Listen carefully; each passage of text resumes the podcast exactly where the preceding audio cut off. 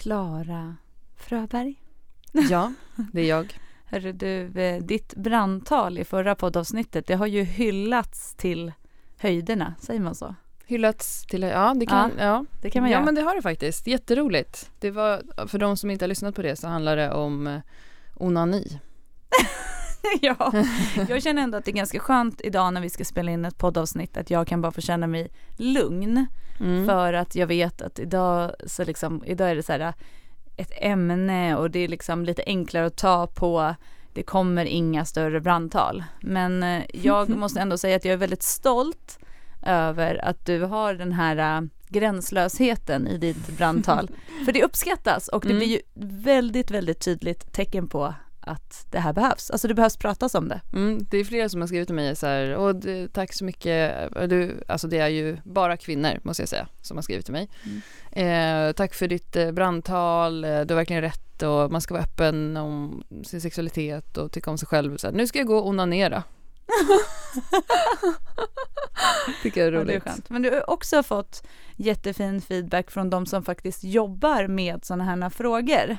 Ja, Att just att du uttrycker dig korrekt och att du gör det på ett väldigt bra sätt Mm. och att så här. Så det känns ju också så här check. Så nu har ju vi ytterligare en del i våran podd då, som är sexologen Klara Fröberg. Exakt, ja men det känns jättebra. Det är ju lite nervöst när det gäller Eh, just det här med uttryck för att samhället förändras hela tiden. Vi använder inte samma uttryck idag som vi gjorde för tio år sedan och till exempel så säger vi inte längre penetrerande sex utan det heter omslutande sex eh, och detta är ju då därför att det kan upplevas som att den som penetrerar någonting är den aktiva och den som blir penetrerad är passiv och vi vill inte att den som då har en fitta, nu säger jag det igen, nu, blir, nu kommer de här orden i alla fall, ska inte vara en passiv person som blir penetrerad. Eh, så därför så försöker man då idag säga omslutande sex. Så det är, och jag tycker det är kul, jag, en sak som jag tycker är roligt är liksom språkets utveckling. Jag välkomnade hen med öppna armar när det kom och anser att eh, liksom, åker man ut i förorten så kommer man hitta ett berikat språk och inte, man behöver inte vara rädd för att språket förändras. Så det tycker jag är kul, men det är också lite då nervöst eftersom jag inte är ett proffs på det här. Ehm, men ja, då var det flera som hörde av sig som jobbade som sexualinformatörer Mm. eh, som sa så här, bra liksom, bra snack och helt rätt och så vidare. Så det känns ju skönt, check på det. Check det. Supercertifierad onani-coach.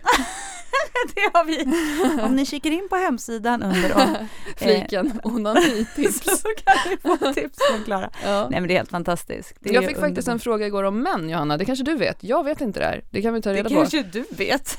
Ja, men eh, från en man, från en manlig PT som skrev till mig och skrev, så, så här, ehm, frågade om det här med knip eh, träningen, alltså om samma rekommendationer gäller för män med urinläckage.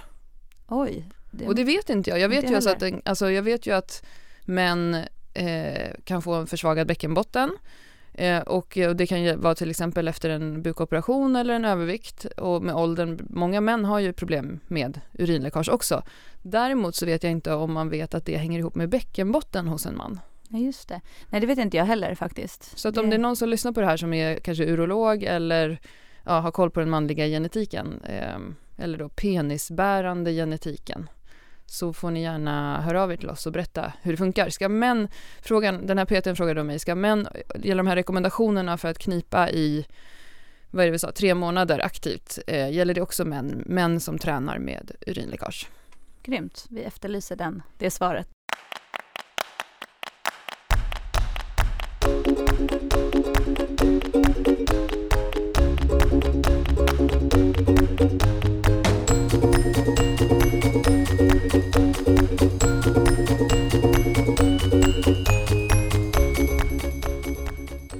Men du har ju varit på, du har ju varit buttfluencer på fitnessfestivalen sen Mm. vi hörde sist.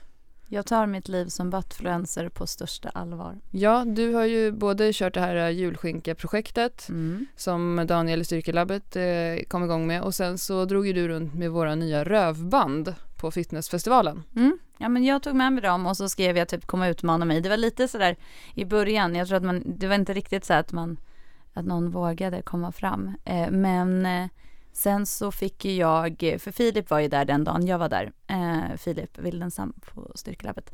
Då fick jag ju Filip att utmana mig i det vilket eh, var ju skitkul. Alltså vad var själva tävlingen? Nej, alltså det var bara att man skulle battla mot mig och se om man kunde pumpa längre än mig med sidosparkar. Ja, innan det, innan det gör ont. Ja, alltså grejen är att när man gör den där sådana här sidosparkar med ett sånt miniband, Mm. eh, man står alltså på ett ben, man får, kan hålla i sig någonting och så ska man bara pumpa i sidled Mm. Eh, benet. Och till slut så liksom, du får ju som mjölksyra så att du tror att du pumpar fast du har benet still och så ställer du ner det. Så hela tävlingen var bara så här, utmana mig. Det var, Mm. liksom, det var inte så att jag hade så här, någon Excel-lista med mig utan det var lite mer så här, kom och utmana mig. Mm. Och eh, då gjorde jag och Filip det och så vann jag såklart mot Filip. Och eh, då när vi stod där så var det så här flera som kom fram då och bara, det var bland annat män också, inte bara kvinnor, som bara, "Åh, jag lyssnar på er podd och gud får jag också vara med och göra det här? Mm. Så då, då gjorde vi lite Men utmaningar. hur kändes din skinka efter det här? Nej men alltså grejen är att först Körde du samma ben? Nej men det var det som jag lite missade. Jag körde först mot Filip, så här, stod ju och pumpa och sen så ser jag ju på filmen också att jag pumpar ju så här någon typ av 140 liksom, procent snabbare också så jag gör ju säkert typ så här tre gånger så många. Mm. och sen så gjorde jag ju felet att jag tog samma ben på Åh, nummer nej. två som skulle utmana mig så då kände jag att jag hade lite kramp men sen bytte jag ben igen. Mm. Då funkar det. Men alltså jag, hade, jag gick ut ganska hårt i den här projekt julskinkan. Jag har kört alla dagar. Mm. Eh, sen så har jag verkligen vissa dagar så har det varit mer knäböj och sånt och vissa dagar så har det verkligen varit så här rena gummibandsövningar. Mm. Eh, vilket är också syftet med det, att det inte alltid behöver vara en tung övning. Men i början så körde jag ändå så här, typ kanske 100 av varje eller 100 per sida och sen plus höftlyft 100 stycken. Mm. Så jag gick runt i början av de här Mm. dagarna, alltså jag var så, jag var liksom så spänd i rumpan hela tiden. Överaktiverad. Typ överaktiverad. Så, men det känns också jäkligt bra i, alltså jag har ju inte, jag har inte gjort någon utvärdering än, men jag känner att liksom det ger en bra aktivering. Jag känner att jag känner min rumpa mycket mer, men jag har ju också ökat min mängd knäböj den senaste tiden. Jag har inte bara liksom kört rump. Nej, du kör ju fortfarande din Russian squat rutin. Ja. Du, är, du är snart färdig. Ja, men typ. Det ska bli kul när du maxar sen. Ja, nej, men jag känner faktiskt att jag, jag, jag, är ju utvärd, jag är ju lite så här, det är ju klart vi jobbar med sånt och tycker det är kul, men jag utvärderar ju gärna lite hela tiden under, ibland så är du Mm. så här bara gör bara nu typ, men jag har kört eh, ganska ett tag och jag tror också att så för mig är det riktigt, det liksom, det blir, det blir lite, det passar inte riktigt mig, det upplägget. Nej, Eh, det, det blir är lite för lite volym. Ja, lite för lite volym och sen så blir det hela tiden väldigt tungt. Fast ändå inte tungt. Eller det är så, jag vet inte. Mm, alltså det, det vi pratade om nu när vi, vi tränade ju ett sjukt böjpass tillsammans häromdagen. Ja. Och då sa ju vi att du skulle, behöver lägga till lite set efter som är lättare med lite, så att du får in lite reps också. ja, och speciellt när det är de här tvåorna. För att ibland är det ju så här, det är ju 6 gånger 2 6 Mm. gånger 3 6 gånger 4 6 gånger 5 6 gånger 6 Ja. Och lite olika, det är inte liksom, det är lite blandat. Men det är ju, på många pass är det väldigt lite men man ska köra ganska så tungt. Mm. Men, ehm, Men det är ju ett toppningsprogram. Det blir lite som att du ska ha grunden när du kör ett sånt program. exakt. Och sen så ska du bara få in specificiteten i Ja. att träna på de tunga repetitionerna. Det är ju inte så mycket att du blir jättemycket starkare på den här tiden, utan det är snarare att, det ska, att du ska lära in det i, för att sen maxprestera, eller så tänker jag. Ja, det, verkligen. Och det, det- är ju verkligen så att jag känner ju min böj, att göra de här böjen nu på den vikten är ju inga problem. Alltså det är så här, jag gör ju det utan att tänka. Mm. Eh, I början så var det ändå så att jag tyckte att det var tyngre och sådär. Mm. Men eh, jag har, det har blivit med lite modifikation för att det ska passa in i, men jag känner ändå att jag har fått ut det jag ville av programmet. Mm. Men jag kommer inte att köra det liksom nu, utan nu kommer jag att köra lite mer annat. Mm. Men eh, jag ska gå på och fokusera på eh, egentligen nu mycket mera styrkelyftsfokus med eh, fokus på att tävla i serie 1 ju. Ja, det är skitkul, men vi borde dra ihop någon, någon mockmeet för dig innan seriet Ja. såklart. Så att jag får maxa lite och Tävla, eh, Träna och tävla. hemlighetstävla med signaler. Ja, verkligen. Nej men det, det känns skitkul. Men så jag är där jag vill med knäböjen och nu är det bara att fortsätta att nöta dem. Men att få göra många alltså, tunga lyft är Mm. väldigt nyttigt för mig och att bara få göra lite och framförallt ta bort inte tänka, jag bara gjorde dem där och det Mm. som har varit bra är att ibland när jag inte haft så mycket tid så har jag ändå bara bränt av knäböjen Ja, och det de har, ser skitsnygga ut dina knäböj. ja men de känns bra nu. Du också, jag, jag sa ju det till dig igår, att du har fått så jäkla snygga lår nu också. Mm. Nu är det bara Röven och låren. ut och visa. Jag vill ha såna där lår Johanna. Alltså det är min dröm. Thunder thighs. Lår som buktar både bak, fram, sidan. Alltså hur ska jag göra? Ja, Det blir nästa projekt för mig. Mm. Men medan du var runt och pumpade röv på fitnessfestivalen då prioriterade jag ju att äta en 20-rätters eh, avsmakningsmeny och dricka typ sju glas vin. Ja men det är ändå skönt att vi har våra roller i det här företaget. Ja det är skönt. Det Ja. var så värd det. Ja, det var ju typ, jag hade typ världens bästa helg förra helgen och blev överraskad med hotell och eh, eh, lyx, lyxlunch på, på Franzén. Mm. Eh, det var sån chock. Jag, jag är verkligen en sån person som inte riktigt gillar överraskningar. Gör du det? Men jag, alltså jag är lite så här, jag gillar att ha kontroll över saker och ting. Ja, jag kan tänka mig att du också Så- kan bli lite så här. Så jag fick liksom, när jag förstod att vi inte skulle göra det som jag trodde att vi skulle göra, så fick, hade jag så här ganska lång stund efteråt, lite så här tilt i huvudet. Mm.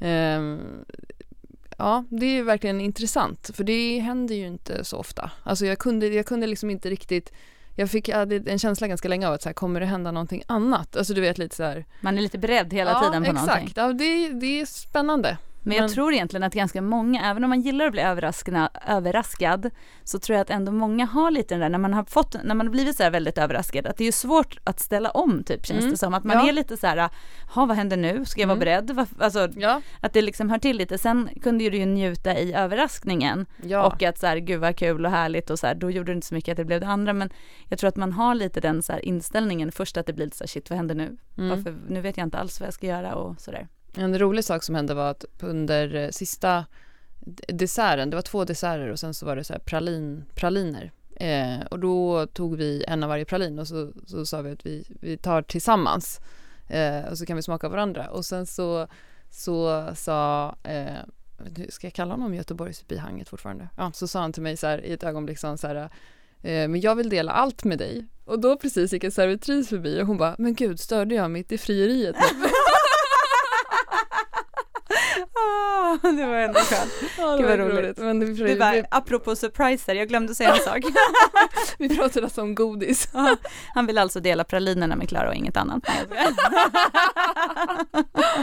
Ja, Ja, helt underbart, så jävla värd var du. ja det, tack för det. Det är fint att du känner så. Men du, nu ska vi ju faktiskt eh, snart eh, bjuda in en gäst till podden. Ja, Eh, vi har ju varit så glada de senaste veckorna över eh, en härlig utrustning som vi har fått till Crossfit Eken där vi är nu. Vi kom ju på att om vi skulle känna oss extra liksom, peppade eller få en nystart i vår nya lokal så behövde vi beställa lite nya grejer.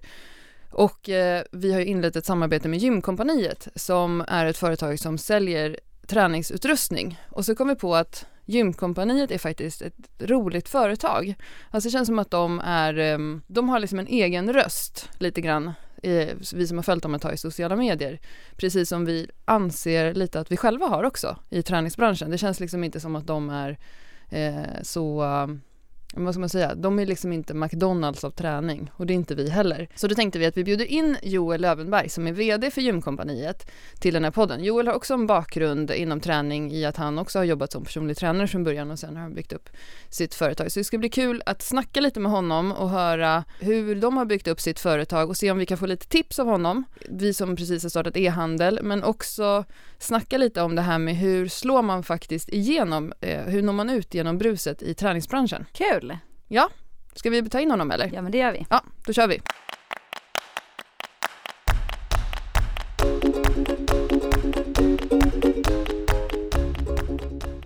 Hej Joel, välkommen. Tack så mycket. Kan inte du börja och berätta lite vem du är? Eh, Gymkompaniet är ett företag som säljer gymutrustning eh, som en e-handel, så vi är en webbshop. Men en väldigt stor del av vår vardag går ut på att åka runt hos kunder och montera gym. Så att det är egentligen där vi syns, men, men vår stora verksamhet är att vi säljer som en vanlig webbshop. Men jag spenderar större delen av mina dagar med att åka runt och bara eh, bygga gym helt enkelt. Så jag ser mig mer som byggare än som, än som e-handelskille eller vad man ska kalla det. För att du liksom är ute i verkligheten med era produkter. Ja, så skulle jag nog säga. Jag, jag är ju mer ute och kör bil och, och ja, skruvar löpband än vad jag sitter vid en dator kanske. Hur länge har ni haft eh, Gymkompaniet? Eh, Det har funnits i sju år tror jag, men jag köpte upp det för tre år sedan. Eh, Och det är väl egentligen då det har eh, börjat utvecklas i den här farten eller i den här riktningen som vi har nu. tidigare var det lite annorlunda och nu, nu har det gått lite annorlunda. Då. Hur många är ni som jobbar tillsammans? Eh, vi är fyra eller fem beroende på hur man räknar. Mm. Folk jobbar lite halvtid som pluggar och, och sådär så det beror på hur man ser det. Och var har ni er homebase någonstans? Eh, Vår homebase är dels min bil men, men själva lagret ligger i Dalsland i, i Mellerud. Ja. Så det är ett stort, det är en gammal gård. Eh, så är det eh, Rune på lagret kallar vi honom då. Det är en 78 och han är 78. Eh, och det är han som har själva lagret. Eh, så hyr vi in oss där och så, så det är våran, det är våran riktiga verksamhet liksom. Och bor du, bor du också i Mellerud? Nej, jag bor i Göteborg. Ah, vårat lager bor i Johannas radhus i Älta. Det, det brukar vara så, det börjar ofta så, exakt. Vi har ju tänkt att vi ska fråga dig lite sen om du har några tips till oss, för vi har ju precis dragit igång e-handel Ja. eh, med lager. Nu säljer vi ju också en bok som inte är i lagerhållan och sen så säljer vi väldigt mycket pdf-er, det är ju modernt 2018. Eh, men eh, vi, vi har ju ett lager hemma, hemma hos dig och jag, vi har ju sagt det att tills Johannas man Anton tröttnar så får du vara där. vara där. Ja. Jag fick ett ryck i helgen och städade och la i lite fina lådor och sånt. Men eh, vi har lite grejer lite överallt kan man säga. Jag, jag, jag tror att nästan alla börjar så, med ett garage eller med en Eller hur? Mm. Det är lite det första steget ju. Mm. Men du, hur kom det sig att du eh, började jobba med liksom gymutrustning? Eh, det är egentligen en ganska Det är en helt annan historia egentligen. Jag satt på ett tåg upp till Stockholm för att eh, eh jag skulle sälja in en föreläsningsserie om, om träning. Eh, för jag jobbade som PT och föreläsare tidigare. Eh, och killen bredvid mig ägde gymkompaniet då. Eh, och jag satt och kollade på MMA för att jag sysslade med kampsport på den tiden. Eh, och så frågade han mig vad, vilka handskar ska man ha i, i MMA och vilka, vilka mittsar och vilka skydd och sånt där för vi ska börja sälja det. Eh, och så satt vi och snackade i typ en halvtimme och sen slutade med att jag började jobba på gymkompaniet för de anställde mig då. Mm. Så jag började jobba där med att skriva blogginlägg och sen så på den vägen är det då. Och sen, så det är därför jag jobbar på gymkompaniet. Så ni träffades på tåget? Ja, Det är ju jätteroligt. Ja, Vilken bra var- historia. ja det var rätt kul faktiskt. Det var Ja. lite udda. Ja, verkligen. Och hur länge har du jobbat med träning? Oj, eh, det beror på får man, om man får räkna in sånt där när man eh, jobbar svart med typ kompisar och tränar dem för hundra spänn. Ja, det får man Ja, det får man. I, i, så, I så fall väldigt länge. Okej. Men, men på riktigt med egna företag och i andra företag på kanske nio år eller något sånt där. Tio år. Mm. Nio år. Men du håller inte fortfarande på med MMA? Eh, nej, jag slutade efter att ha blivit eh, rånockad. Oh, Så jag, jag tappade minnet och låg på Sahlgrenska med hjärnröntgen och nej. jag var väldigt väck. Men då, då var det inte MMA, då var det shootfighting. Okej. Eh, så, eh, MMA körde jag aldrig utan jag blev knockad långt innan dess. Du var väldigt väck, det tyckte jag. Jag, jag var väldigt, Du var väldigt, väldigt- utslagen. Ja. Okej, vad härligt att du mår bra idag. Ja. ja. Men det var tap-out-handskarna som du rekommenderade då eller? Eh, ja, det fanns, eh, i, inom, inom den lilla genren som vi gjorde så var det ett annat märke som heter Slayer som man fick tävla med. Ah. det var, Jag förstår. Men- Ja. Vi har ju faktiskt, vi brukar alltid ha med en lyssnarfråga Ja. i början av avsnittet och då tänkte vi eftersom du också eh, jobbar med träning så är det ju perfekt, kan du hjälpa oss att svara på den? vi så jag får se. tänkte att eh, jag läser upp den. Man kan alltid bara svara bli stark. Det brukar vi svara på allt. Om man vill satsa på att få upp sina knäböj, vilka är era favoriter bland assisterande övningar? Med vänlig hälsning Sebbe. Vad säger ni? Men eh, alltså framförallt, det är alltid så här som det alltid är när man får en fråga, men vi har ju ingen aning om bakgrunden. Mm. Eh, hur mycket tränar han knäböj idag? Tränar han mycket knäböj? Jag är alltid så här, se till att träna mycket knäböj om du vill bli starkare i knäböj. Mm. Så det skulle jag vara så här, nummer ett. Men har, tränar man mycket knäböj och inte kommer vidare, då skulle jag ju såklart kika på vad, eh, hur man tränar idag. Eh, har jag, hur har jag tränat? Ska jag ändra min, liksom, min typ av träning? Behöver jag göra, ha mer volym, mer tunga och så vidare. Mm. Och sen har jag inte jobbat med så mycket assisterande övningar så kanske jag kan lägga in lite extra andra övningar som ger bra liksom, input till knäböjen. Ja, precis. Det finns ju många variationer av knäböj man kan göra också. Man kan göra jobba med knäböj med paus, man kan göra eh, tempo, alltså gå ner långsamt knäböj för att få en bättre kontroll av rörelsen och sådär. Men som du säger, man vet inte hur mycket knäböj den här personen har kört. Men om man ska göra assisterande övningar till böj så kan ju det också vara för att man kanske vill stärka upp vissa områden, typ rumpan är populärt och sådär, eller man vill jobba med knäkontroll, sådana saker. Då, vi har ju ofta i våra träningsprogram med good mornings, tycker vi är en jättebra övning, för man får liksom jobba med aktivering av hela bålen eh, och höftfällning. Ehm, eh, olika, alltså lättare knäböj, goblet squats, eh, split squats, alltså enbensböj. Något som du och jag inte är, lägger in så ofta i våra program är utfall. Mm. Det är annars är PT, har du kört det PT-tricket? Att man lägger in det för att en kund ska få träningsverk? Ja. kan man ta mer betalt? ja, men det, det är en klassiker. Ja, men för, alltså man, alla får sjuk träningsverk av utfall. Men när man har tittat på studier på uh, vilka övningar som ger liksom, till exempel bäst rumpaktivering och så, så är inte utfall i topp där heller, även om det är många som upplever det, att de får sjuk träningsverk i rumpan dagen efter. Så att, uh, ja, Sebbe, eh, böj mera.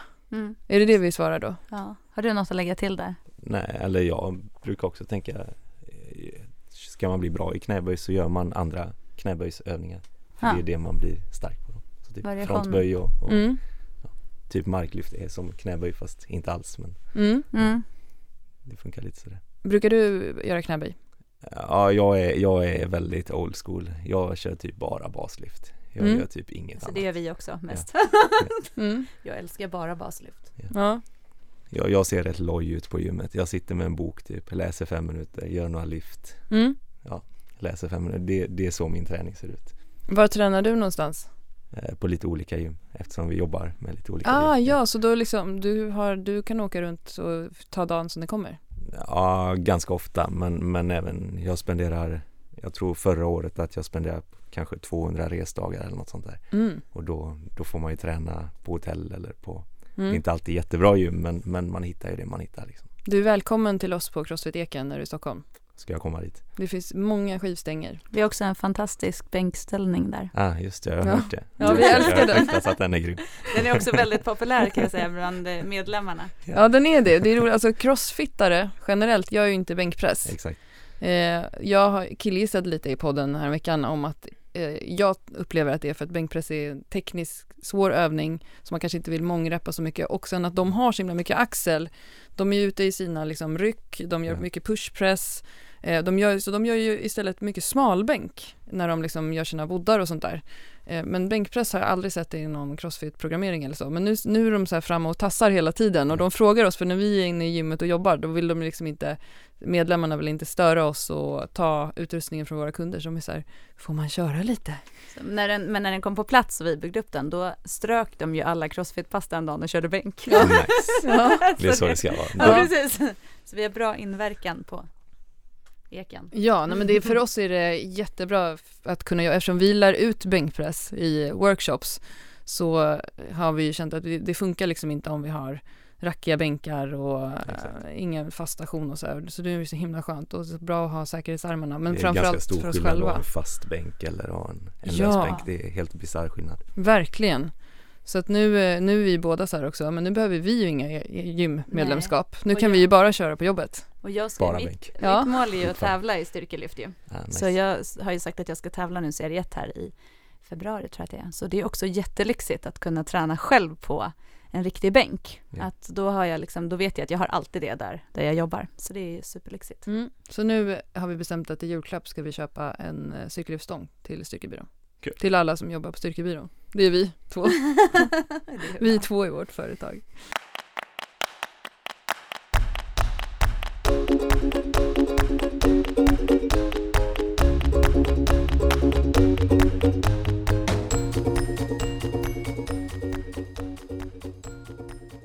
Alltså en sak som vi har tänkt på med Gymkompaniet är ju att ni har en ganska egen röst i era, nu jobbar ni ganska mycket med sociala kanaler också, eller är, eller är det liksom ditt personliga konto som är Gymkompaniet eller? Ja, jag, jag skulle säga tvärtom faktiskt, vi jobbar extremt lite med sociala kanaler. Ni dyker upp i eh, mitt flöde hela tiden bara? Eh, ja, det är jättebra. Mm. det är som stockvarning. Men, ja. men, men, men till exempel om vi tar er så är ju ni väldigt mycket sociala kanaler. Ja. Jag skulle gissa att det är typ 99% av era kunder förutom de som går mm.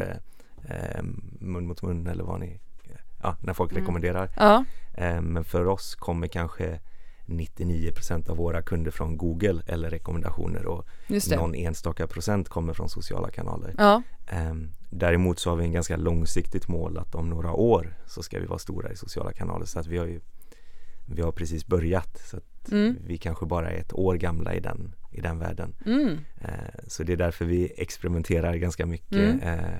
Eh, eh, och ja, jag skulle säga att det är det typ som mitt personliga konto som, Mm. som är det som vi använder. Eller det är väldigt mycket det är jag som skriver och inte de andra som skriver så mycket. Nej, just det. Men det, jag tror att det är det som har gjort att jag uppfattat er som nischade. Därför att det känns som en personlig röst i alla inlägg. Det känns inte som, eh, alltså, nu ska jag inte säga några varumärken, men om en global gymkedja lägger ut ett inlägg så är det så här Tre sätt eh, att tänka på när du tränar hemma medan du gör så här inlägg, ja men häromdagen så la du ut ett inlägg om eh, hur skönt det är att riva av plastfilmen på ett löpband. Exakt. Eh, vilket blir väldigt, eh, eh, upplever, jag, upplever jag som personligt Ja. och härligt och jag själv skulle välja att hellre handla från ett sånt företag än ett företag som inte har den här personliga rösten och det är det jag tror mycket att folk gillar med mig och Johanna också. För vi pratar mycket vi försöker att bjuda på oss själva mycket också och vara liksom så här är vi eh, och inte vara så himla eh, vad ska man säga fyrkantiga eller liksom Ja, eller försöka göra något eller vara liksom något som det inte är heller. Också det personliga i det. Alltså, Eh, Men däremot så, vi har ju ingen alls, jag tror att vi säljer inte alls på SEO, Nej. alltså nej. På googling, utan vi säljer ju på relation. Vi har liksom ett community där folk pratar med oss varje dag och svarar på frågor och så. Folk skriver i våra kommentarsfält som du sa. Folk ställer väldigt mycket frågor till oss. Vi har en podd. Vi har en podd, det var ju så den startade. Så när vi startade Styrkebyrån så startade vi podden för att marknadsföra oss som PTs. Idag är PT den minsta delen av vår verksamhet. Och det blir väl liksom tvärtom. Att det, jag skulle inte säga att vi är ett e-handelsföretag alls. nej. Eh, ibland så tror folk det och skriver till oss eh, roliga frågor där det låter som att de tror att vi liksom sitter på värsta resurserna och sådär. Eh, men, men det har verkligen vänt i hur vår verksamhet är och absolut så jobbar vi jättemycket med sociala medier. Men hur är er typiska kund då? Vem är det? Eh, jag, jag brukar säga att vi säljer till mig själv. Ja, Våran kund är man får ju räkna sånt 80-20 tänk som man alltid räknar. Det, det är klart att inte alla kunder är jag men, Mm. men våran typiska kund är jag. Det Mm. är en, en kille mellan eh, 30, 35, kanske 25, Mm. 40 någonstans. Eh, de har ofta egna företag. Eh, företaget är ofta lite halvlitet, alltså det kanske är 10 anställda och det är på en liten ort. Eh, Mm. Och de, det finns inga riktigt bra gym där. Eh, eller så finns det något sånt här gym som är öppet för som kostar 199 kronor i månaden så det är bara 1000 18-åringar där och Mm. ingen orkar med dem. No Mm. offense till 18-åringarna här men ni, de är jobbiga. Mm. Och, och, och, och folk vill inte träna där så då startar de ett litet företagsgym Mm. eh, så de kan erbjuda till, till företaget. Och det är ofta för att den som äger företaget tycker att det är skönt att ha ett eget gym men, Mm. men det får ju bli ett företagsgym då så Mm. alla får använda. Och det är ofta mycket styrkeutrustning, det är ofta eh, klassisk basutrustning, kanske något kryssdrag eller något löpband men, men ett, ett litet företagsgym det är vår i särklass största kund. Eh, sen sett till antalet, det är i, i omsättning men sett till antalet så är vanliga privatpersoner, vi säljer extremt mycket sådana här eh, typ gummiband som jag gissar att, Mm. att, att Ja. ni till exempel säljer Ja. pratar om och sånt där. Mm. Ja. Eh, och, och den här eh, rumphetsen eller vad jag ska kalla det som har kommit senaste Senaste på? två år, det är Instagramvänligt tänker jag. Men senaste två åren har det blivit väldigt mycket rumpfokus. Eh, tidigare fanns det inget alls. Eh, jag, jag, jag kan inte minnas en enda gång under hela min uppväxt att någon någonsin har tränat rumpa. Nej. Men nu tränar alla rumpa och vi säljer gummiband och, och, och sådana här hip thrust bänkar och Ja, och gud det vore ju kul att ha en riktig sån bänk. Så, Ja. så att man verkligen ligger och inte på en sån här steppbräda. Så Nej, och det- man slipper, det blir lite lättare när man ska lassa av och på vikterna kanske. Exakt. Mm. För det är det som är med hip thrusten, att det är så himla mäckigt. Man blir lat där. Mm. Vad roligt, vi träffar ju mycket, vi är också ute och träffar mycket eh, folk och direkt när du pratade om den här typiska personen så kommer jag att tänka på våra kompisar familjen Thorén i Kil. Ja, de har som driver ett företag som säljer maskiner Ja, oh, tillbehör till Förlåt nu Daniel och Hanna om jag säger fel. De har ju byggt upp exakt ett sånt företagsgym yeah. och där de promotar sina anställda att liksom gå och köra i gymmet men och sen så kör de ju framförallt själva där. Och sen så brukar de åka på träningsresor med oss och komma upp till Stockholm ibland och köra men just att man inte kanske pallar att gå på det där nyckelgymmet och att man har ett sånt liv så att det måste passa in. Men sen tänker jag segment två som jag träffar är ju eh, kvinnor som har barn som vill träna hemma Eh, för att det ska passa in i så här familjepusslet, ordet. Eh, men de vill också träna på riktigt. De vill liksom inte bara ha en 12 kilos kettlebell hemma. Utan, och många blir ju så här, många våra följare som vi ser, de, de slutar ju aldrig bygga upp sitt hemmagym. Nej. Det är jätteroligt, det är som att det är ett så beroende att få bättre och bättre grejer. Ja vi har ju ett gäng som, är, som verkligen har sitt hemmagym i garaget liksom med skivstänger och kinsersten. Du har ju en mm. kund som precis fick hem sin, vad heter det, kins kindställning typ eller sådär som man kan göra knäböj eller liksom så. Mm. Så det är verkligen så här också det här att det, jag tror att det blir också en, det börjar bli mer och mer att man ser till att ha det man behöver. Det, det är en ganska bisarr skillnad faktiskt på eh, för, för, sex år sedan när vi sålde när man sålde ett skivstångsset hem till någon, då var det kanske ett bodypump-set. Mm. ett sånt mm, litet. Ja. Mm. Eh, och nu för tiden köper folk riktiga skivstänger, det är styrkelyftstänger eller, eller eller crossfit-stänger eller kullag. Alltså, mm.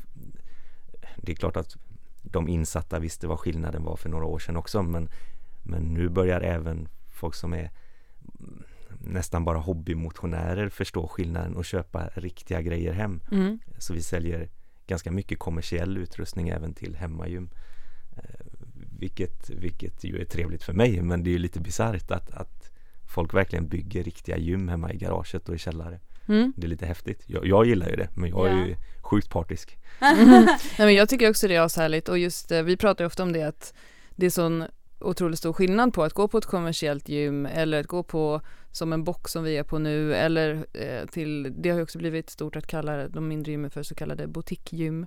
Eh, det, det, blir mer nischat och lite mer anpassat till vad folk faktiskt vill ha men sen också att ja, det som är tråkigt med ett globalt gym är ju att ingen hälsar och att det är lite så här och att folk inte tar hand om grejerna riktigt heller på samma ja. sätt. Man går ju runt och stör sig på hur folk har hängt upp saker och lagt grejer lite Släpper överallt. Och, mm. Ja, exakt. Sen får man, vi får ju mycket content till våran podd dock av att träna på de här stora gymkedjorna. Ja. Men det är ju, alltså att, att, ta den tillgängligheten känns ju som att det är en stor grej idag. Att man vill ha tillgängligheten och kunna ja, ha det. Tid är det bästa vi kan sälja. Exakt, mm. exakt alla vill spara tid. Ja, ja men det, jag trodde du skulle svara så här, men jag tränar ju såklart hemma mm. i värsta.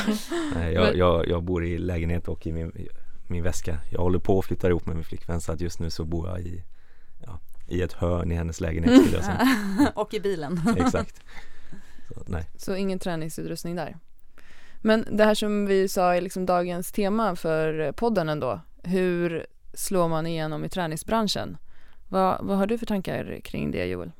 Eh, jag, tycker lite att vi har varit inne och nosat på det. Jag tror att man måste ha en, en nisch på något sätt. Um, kan vara tydligare att ta exemplet när, när vi jobbade som, eller när jag jobbade som PT. Mm. Uh, så hade vi väldigt nischade kunder. Uh, I början så jobbade jag väldigt mycket med, med idrottare inom, inom kampsport. Mm. Så jag var mer någon sorts fyscoach skulle jag kalla det. Eh, och senare så upptäckte jag att det finns väldigt mycket mer pengar att tjäna för det är ganska svårt att, att, att kunna leva som PT. Alltså det, det, tar ju ganska lång tid och man måste vara ganska ihärdig men då upptäckte jag att eh, chefer och, och, och, affärsfolk som, som bara har en timme i veckan och som verkligen vill få till dem eh, de kan betala lite mer om man åker dit och tränar dem eller om man så om man nischar sig till just den gruppen. Och de, de kanske har lite andra krav på att du ska vara tillgänglig eller vad du ska kunna mm. erbjuda och sådär men, men de är också väldigt, väldigt bra kunder att ha. Så för mig blev det en nisch som gjorde att jag kunde leva som PT. Så då åkte du till olika ställen och tränade dem där? Exakt. Lite som du gör nu sen, med sen bilen? Sen kom de och tränade hos oss också för sen jobbade jag på gym men, men, mm. men ja. Jag började också så. Exakt. Jag var, hade, ett tag så hade jag många kunder som jobbade på ett fackförbund i Stockholm och de hade eget gym och då, sen blev det att jag var där, kom dit och körde pass med dem Ja. där. Det var jättebra för dem men jag, jag tyckte också att jag blev ganska sliten efter ett tag. För att det blir ju mycket, alltså och, och även, man måste ju också då planera, se till sin arbetstid som de här restimmarna. Ja. Eller att känna att det liksom blir värt allt det där. Men i början så är det ju jättemycket bara att så här, träna folk så mycket som möjligt. Så då måste man ju tacka ja till allting. Jag tackade ja till allt. Först, första två åren sa jag ja till allt, varenda träningsschema, varenda det, det, det spelar ingen roll Mm. om de betalar 50 spänn för tre timmar. Jag, jag, jag var där och tränade. Mm. Det är det enda sättet att, att lyckas i början tror jag. Ja, och lära sig mycket. Och vi, vi började ju med också att vi jobbade online. Vi, vi hade ju turen från början att komma in i träningsbranschen med att en av våra bästa kompisar, Lovisa Sandström, har ett varumärke, hon är mer känd som Lofsan. Ehm, och redan var en stor profil inom träning. Så när vi började jobba med träning så sa hon haka på mig. Eh, och då fick vi jättemycket gratis via det och började jobba i hennes företag vilket gjorde att vi fick också kunder via hennes företag och via hennes nätverk och via våra vänner och sen så hade vi den här online-coachningen som liksom en grund som också gjorde att vi fick kunder eh, i gymmet.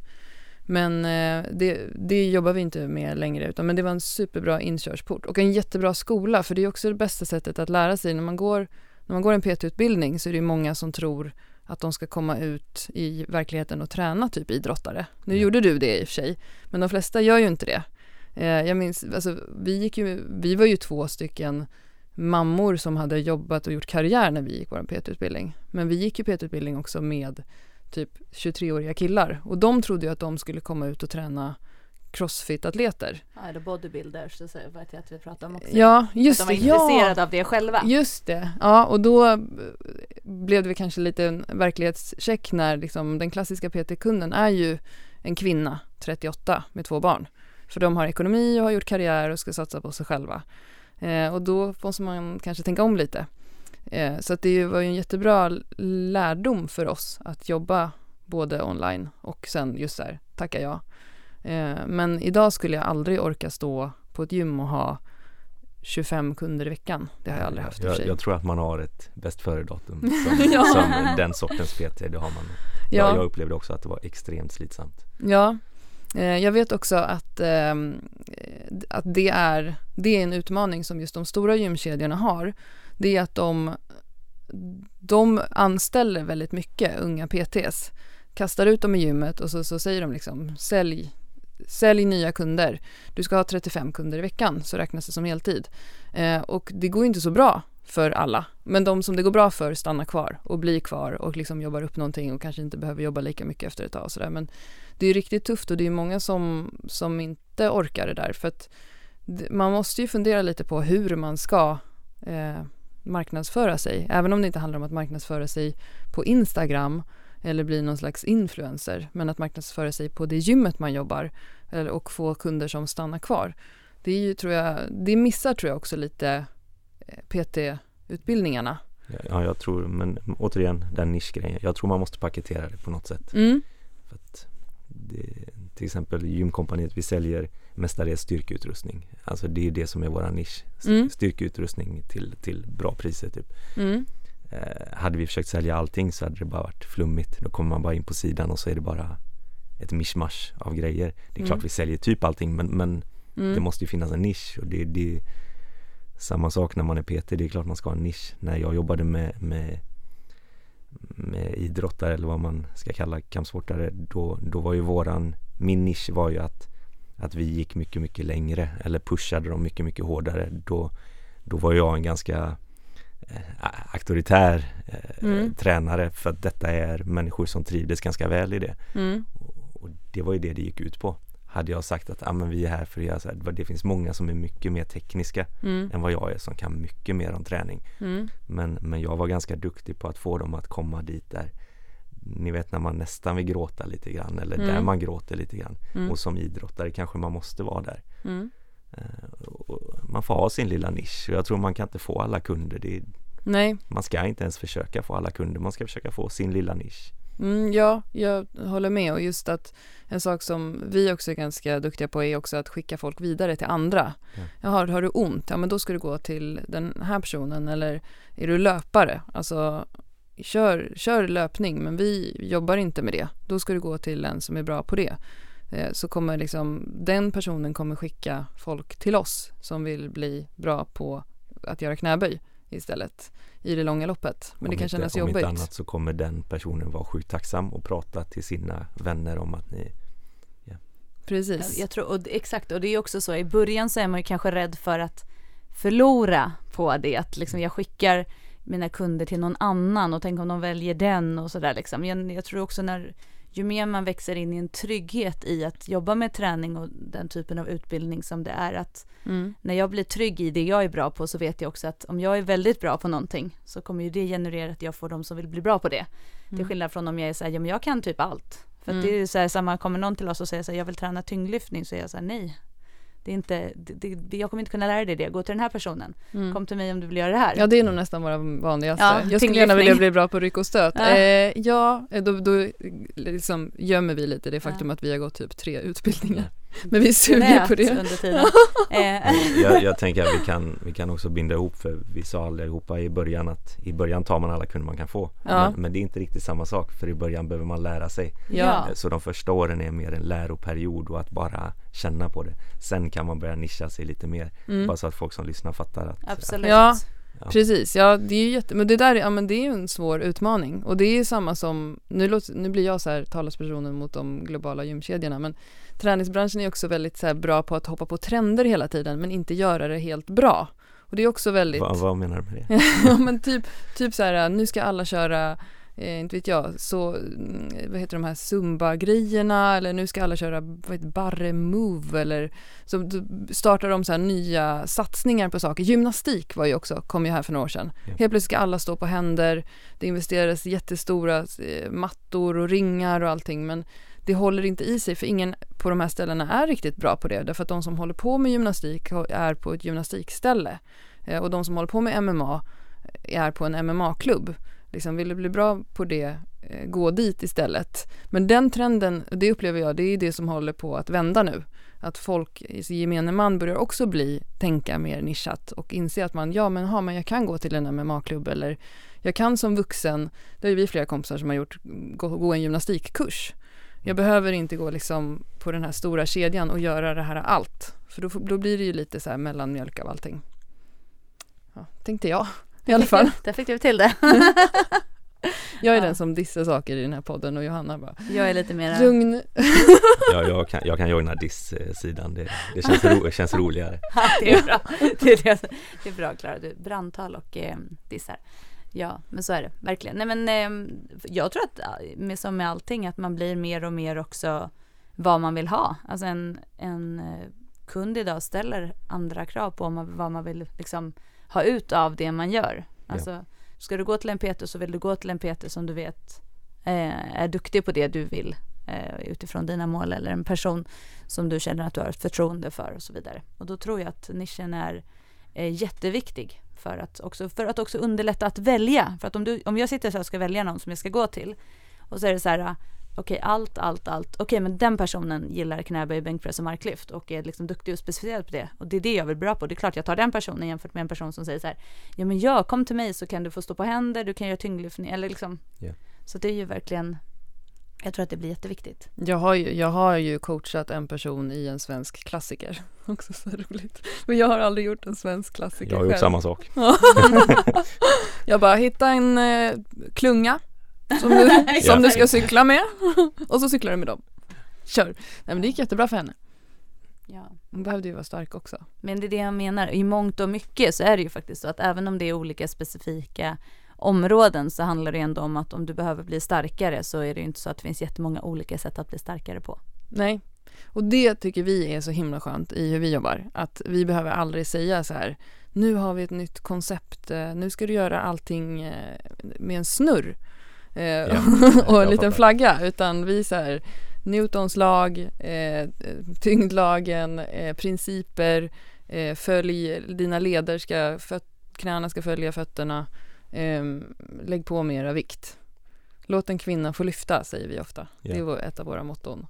Ehm, att inte göra det så himla krångligt. Sen så tror jag att folk gillar oss för att de gillar oss som person. Men vi kommer inte säga något nytt. Det säger vi om våra träningsprogram också, som vi säljer. att Om det är någon övning du inte fattar eller hatar, byt ut den. Det är liksom inte så den perfekta övningen eller det perfekta träningsprogrammet. Du kommer bara bli stark för att du följer ett program, för de flesta gör inte det. Nej, exakt. Det är lite samma sak som, jag, jag kommer ihåg mitt största argument för att sälja PT-timmar Mm. när de sa, ah, vad, vad ska jag lära mig för ny grej? Så sa jag, det, det, det ska du egentligen inte. Du ska ha någon att rapportera till Mm. eh, och det gör per automatik att du kommer bli bättre för att Mm. du kommer anstränga dig lite mer. Det, det är typ, det är inte världens bästa argument men det var ett ganska bra argument Ja, och folk, för de blev bättre bara för att de följde någonting. ja. Men saknar du att jobba som PT? Inte alls, inte ens lite grann. Inte? Jag, jag är så klar med den världen. vad är det du sak, alltså vad tycker du är skönast att slippa? att, att det blev lite enahanda till slut. Man har hört alla frågor. Mm. Jag, jag gissar att ni har hört samma fråga några gånger.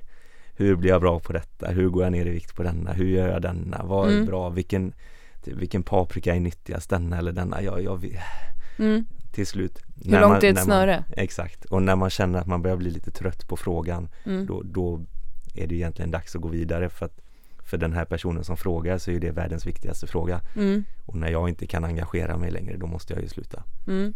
Så det var väl där jag började fatta att Mm. det är dags att göra någonting annat. Ja, förstår. Vi får se när den dagen kommer för oss. Vi, för vi är fortfarande en sak som ger oss, tror jag, jättemycket i vårt arbete också med enskilda individer. Det är att vi håller mycket utbildningar och grupper, vilket är en annan dynamik, men också att vi lär oss väldigt mycket eh, själv, av oss själva i så här, idag gjorde vi det gruppen så här och hade en sån här person och så blev vi tvungna att lösa det så för där hade vi en som gjorde dubbla vikten i marklyft och sen så skulle den stå med någon som och det, det känns väldigt utvecklande hela tiden Mm. att det hela tiden blir någonting nytt eh, eh, på det sättet och sen alla nya typer av individer men vi har ju ändrat vårt sätt att jobba som PT jättemycket också i att bara skala av nischa oss, eh, tacka nej, ha en viss sorts kunder eh, ing, inget eh, viktnedgångsfokus till Nej, vi har, det är ju något som vi verkligen har tagit ställning till att Ja.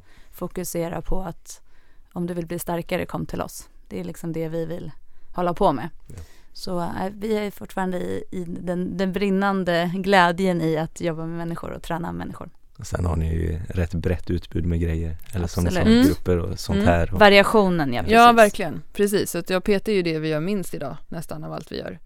Eh, och sen har vi lite olika uppdelning i företaget. Johanna sköter webbshoppen, lagret och det. Eh, jag är ansvarig för sociala medier eh, och våra grupper och just se till att folk sköter sig där. Och, att, eh, och sen får vi inspiration från det till podd Ja.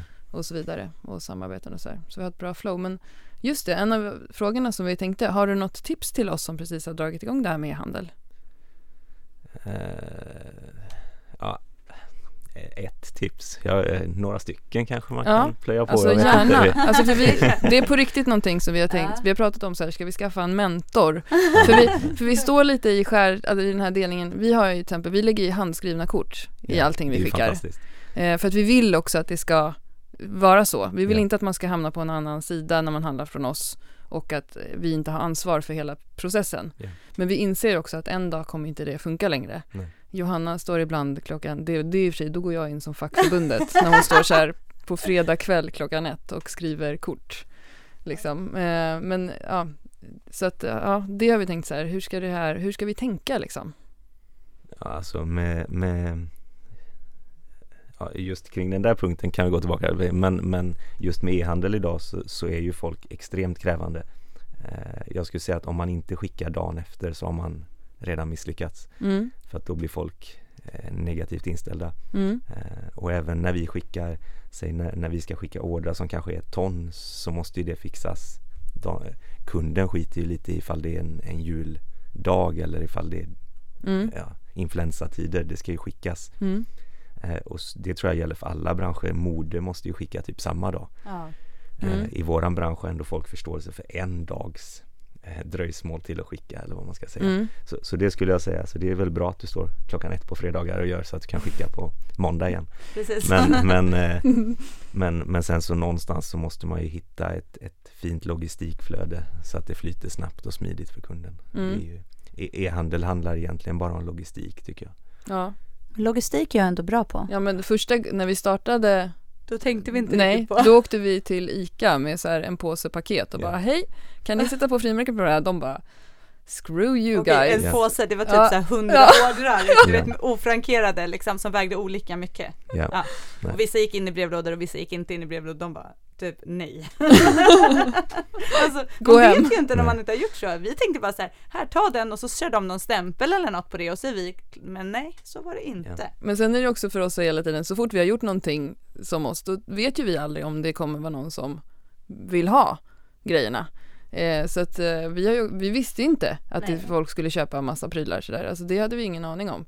Eh, det är alltid en, en, liksom en chansning och, och en sak som också är lite klurig för oss det är att hur mycket vi ska liksom ta in i vårt lager, hur mycket vi ska Ja. ha i lager, för det är ju vår, vi lägger ju ut eh, liksom, Pengar. Ja, exakt och vi är två personer så här. men det är det som är roligt för vissa som skriver till oss, det låter verkligen ibland som att de tror att de skriver till XXL Sport eller någonting, där de ställer sina frågor och sådär. Eh, Medan jag tror, an, annars så tror jag de flesta som vet vilka vi är, de är också lite schyssta med det där med Ja. leveranstider och sådär. Ja, Såklart, ni, ni har ju redan ett varumärke, de, de vet ju vem de köper av. Ja, Det blir lite mer personligt. Mm. Precis. 99,9% av våra kunder har ju ingen aning om vem jag är.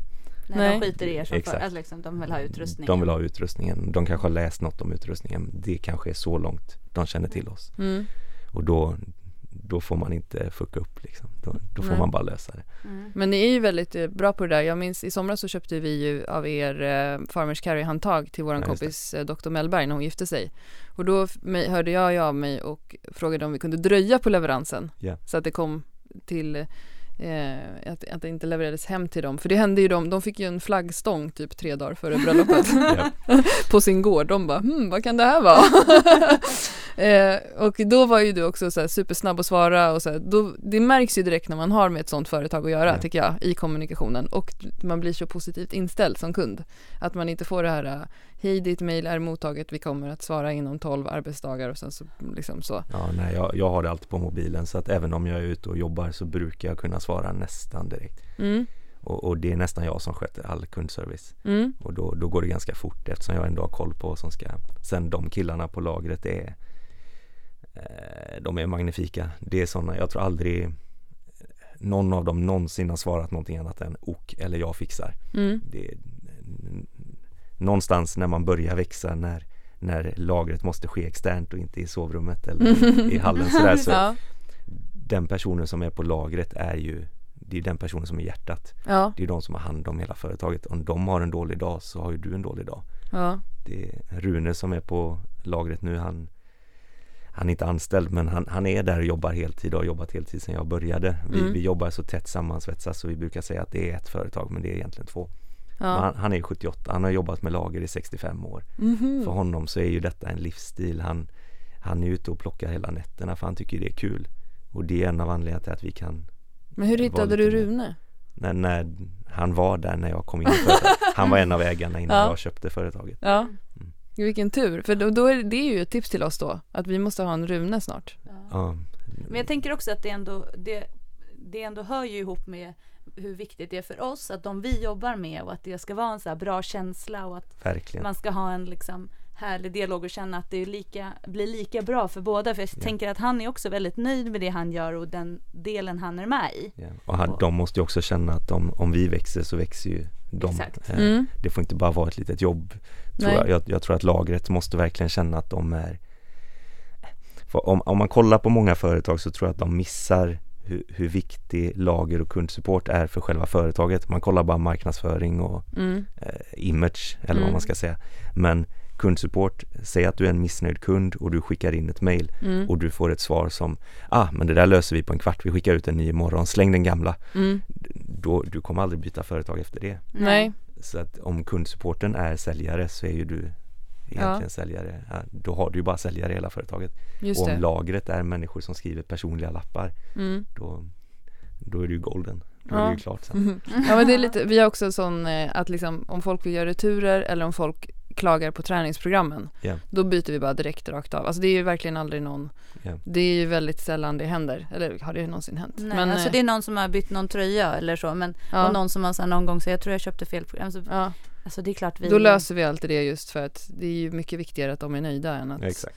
än att det blir lite mäckigt för Jag oss. tror, jag tror många är rädda att folk ska missbruka det där. Mm. Eh, typ om, som nu när ni säger detta i Ja. er egen podd. Men 99,999 kommer inte missbruka det för att de tycker om eran produkt och då, då Ja. kommer de antagligen inte missbruka den. Då tycker de att ni ska ha det betalt för den som den är värd. Mm. Det är inte konstigare än så. Folk är ganska ärliga.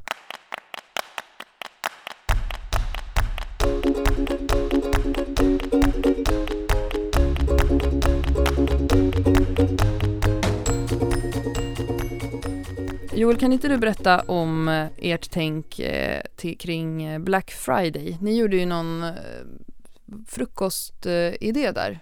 Ja, vi Om jag ska försöka hålla det kort, till- Mm. för det är lätt att raljera på så att ni får avbryta. Men jag är lite generellt sett emot Black Friday eh, grejen. Inte sådär för att Alltså folk får gärna köra det om de vill men, men mitt företag tycker jag kan strunta i det för att min, min tanke är att om man kan sänka sina priser asmycket så kan man lika gärna sänka sina priser.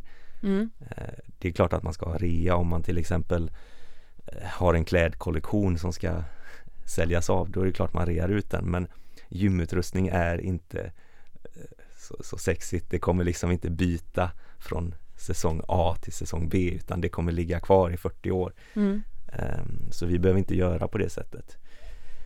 Och då tycker jag att man kan skippa hela den här Black Friday-grejen. Ehm, sen tänkte väl vi att vi skulle göra någonting som lite passade gymkompaniet. Hela våran grej handlar lite grann om att vi ska driva företaget så som det borde bedrivas.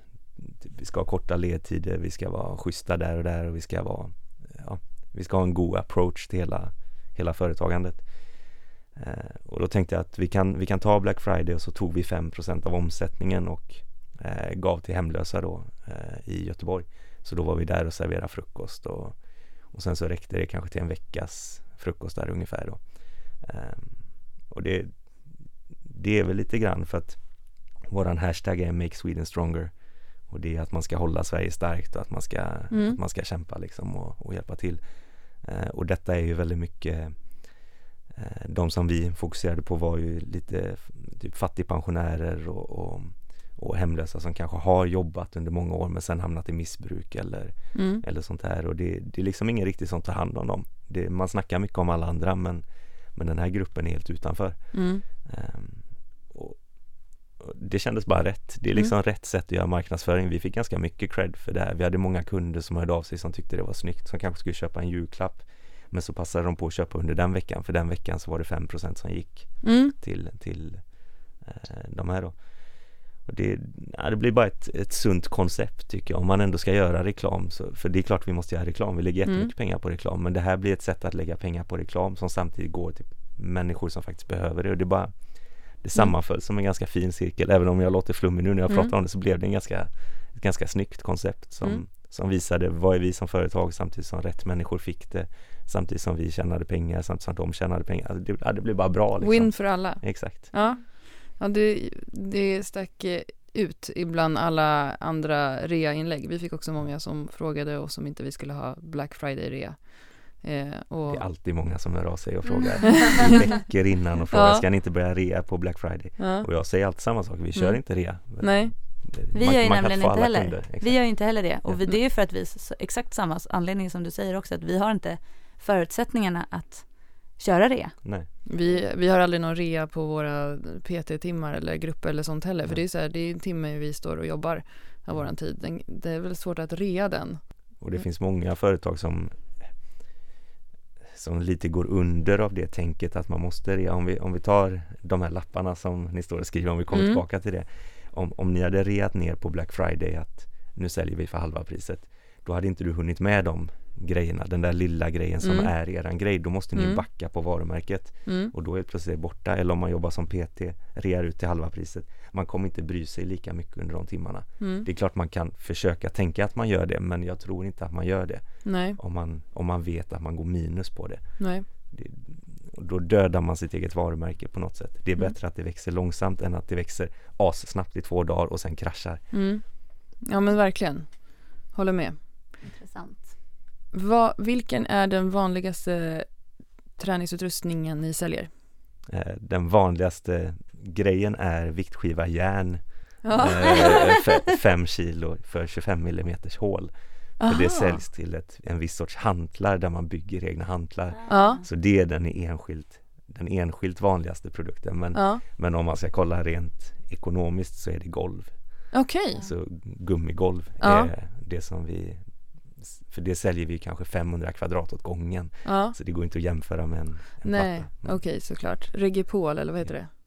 Eh, ja, eh, Everall eller Regupol Gold Ja. som är eh, stötdämparna. Ja. Ja, okej. Vem kan sådana märken? Men, men visst, Men hon kan allt sånt Ja. där. Hon, har någon typ av skada i, i sådana här saker. Ja. Men du, om du skulle så här rekommendera en som liksom tränar hemma. Ja. Att så här, okej, men vart börjar jag? Liksom, vad man, vad liksom, har du några bra tips på utrustning? Om man tänker att man kanske inte har förutsättningar att köpa ett helt skivstångsrack liksom. oj, om man inte får det, Mm. då kan man bara lägga ner. Nej, Ah. det, det tycker jag inte. Men, men skivstångsset är ju det vanligaste. Okej, men vi gör så det här är ju då. garagemän. Vi tar olika, man får, man får, du får göra två olika då. Så ett så här, vad skulle du rekommendera om man tränar hemma? Vi börjar där. Ja, i så fall så skulle jag säga ett skivstångsset. Ja. Och, och en bänk och ett rack. Mm. Det är det liksom. Jag, men det är för att jag gillar att träna sånt. Men då Mm. klarar man, då kan man ju liksom träna allt. Det, det är typ det optimala. Mm. Eh, Kan man inte ha ett sånt så, så skulle jag säga att man har någon, stå, någon sorts suspensionband kanske. Alltså ni vet sånt Mm. upphängningssystem. Just Eh. Förr var det ju bara TRX som sålde och sen har det kommit tusentals kopior som är mycket billigare. Mm. Men, men eh, en sån idag kostar 500-600 spänn och du Mm. kan träna typ hela kroppen om du, om Mm. du är lite, om du har lite variations uppfinningsrikedom i huvudet. Mm. Och, och kettlebell började bli stort för några år sedan men jag tror att många tänker att de ska köpa en kettlebell och träna tusen grejer men sen kör de inte tusen grejer så att Tänker man att man ska köpa en kettlebell så får man gå in och kolla lite på Youtube först så att man faktiskt har lite övningar Mm. eh, Sen kan man köpa en kettlebell. Så har man en kettlebell och ett suspensionband Mm. då, det får plats i alla hem. Mm. Då klarar man sig ganska väl. Det är ju en av våra vanligaste frågor. Vilken vikt ska jag välja? Ja, Mm. ja det är återigen hur långt är ett snöre men Exakt, ja, Ja. men det är ju så. Mm. Men, och vi är ofta så här, om, när, om vi liksom kopplar det till vad vi, hur vi jobbar så är ju så här, tycker vi att man ska handla hellre en tyngre kettlebell och kunna göra typ lite raka mark eller Ja. svingar och lite böj och sådär med. Men eh, det är ju alltid svårt för det är klart att man kanske börjar på en nivå och sen så går man framåt. Men oftast är vår uppfattning att man köper lite för lätt. Ja, jag skulle säga att nästan alla köper för lätt. Det, man, man, just med kettlebell klarar man ofta mer än vad man tror. Har du en femårs och en tioårsplan för ditt företag? Ja, jag skulle säga att vi har nog till och med längre än så. Mm. Vad, är, vad är drömmen? Drömmen var att vi ska äga den här världen fast ja, typ så. Ska du, kommer du fortfarande åka runt i din bil då och skruva ihop löpband? Ja, jag, jag, jag har svårt att se att jag skulle sluta helt för att om, om jag har två veckor när jag inte är ute Mm. så blir jag väldigt rastlös. Även om många byggen inte är kul, alltså man kommer dit, det är inte städat, det är skräp på golvet och man tänker vad fan kan inte folk bara städa upp så vi kan lägga golv typ. Mm. Men det finns ändå någonting i det som är fruktansvärt skönt. Det är väldigt härligt att åka iväg och bara, bara att, att jobba på riktigt eller vad jag ska kalla det. Mm. För man blir trött. När jag Mm. kommer hem på kvällen så vill jag sova. Mm. Och det, det gör man inte riktigt i eh, när man sitter på ett kontorsjobb. Jag, Nej. jag upplever att det är det skönaste med mitt jobb. Det är att jag alltid är trött. Jag kan alltid somna direkt. det Ja. det saknade jag Ja. förr. Ja. Typ jag jobbade på ICA i många år och då, Ja. då var jag aldrig riktigt trött. Nej. Jag var ju trött i huvudet men jag var liksom inte trött på samma sätt. Mm. Mm. Så att, ah, nej det hade vi blivit jättestora. Det är klart jag inte varit ute och monterat på samma sätt men, men jag älskar ju att vara ute. Det är Mm. det roligaste jag vet. Men det är exakt det här också som, som vi gillar och den här som jag tror också blir det genuina i Ja. ert företag, precis som vi pratade om varför vi tror att många gillar oss, att Ja. liksom man verkligen älskar det man gör Exakt. Mm. och det lyser ju igenom. Gud vad fint. Nu går vi och tar en julfika på det här tycker jag. Sjunger Kumbaya och ja, kramas. Ja. Men eh, stort tack eh, Joel för att du kom hit idag och gästade våran podd. Ja, Tack så mycket. Ja, och dig Johanna, dig får jag se om en vecka igen. Ja, härligt. Eller typ en annan dag. Ja, okej då. Ha det Ja. bra. Hej då. Hej då.